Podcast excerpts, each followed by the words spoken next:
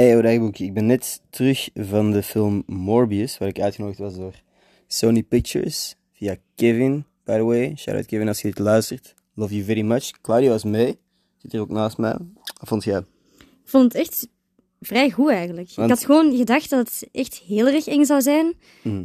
En mijn, mijn grens voor enge dingen is echt laag. We hadden ons verwacht aan een horrorfilm. Aha. En het was eigenlijk...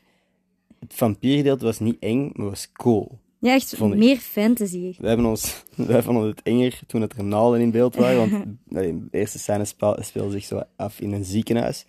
En dat is iets waar wij minder tegen kunnen blijkbaar dan tegen vampieren.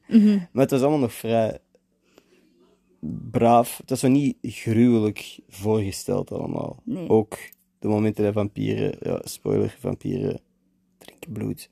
Ehm, maar dat was niet te gruwelijk afgebeeld. Nee, het was echt cool eigenlijk. Ik vond het echt heel vet. En, en die shots zo, tijdens bepaalde scènes, waren zo eh, frames die zo wat trager gingen. Mhm.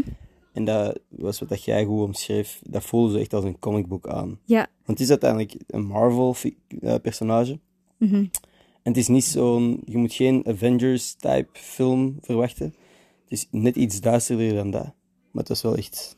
Ik vond het echt heel nice. Ja, Ja, ja. conclusie. Nice. Ik denk, ik denk dat ik het een 7 geef. Een 7 op Op 10. Op die. Alright. Daar kan ik mij in vinden. Ja. Blijf, by the way, tot de end credits zitten.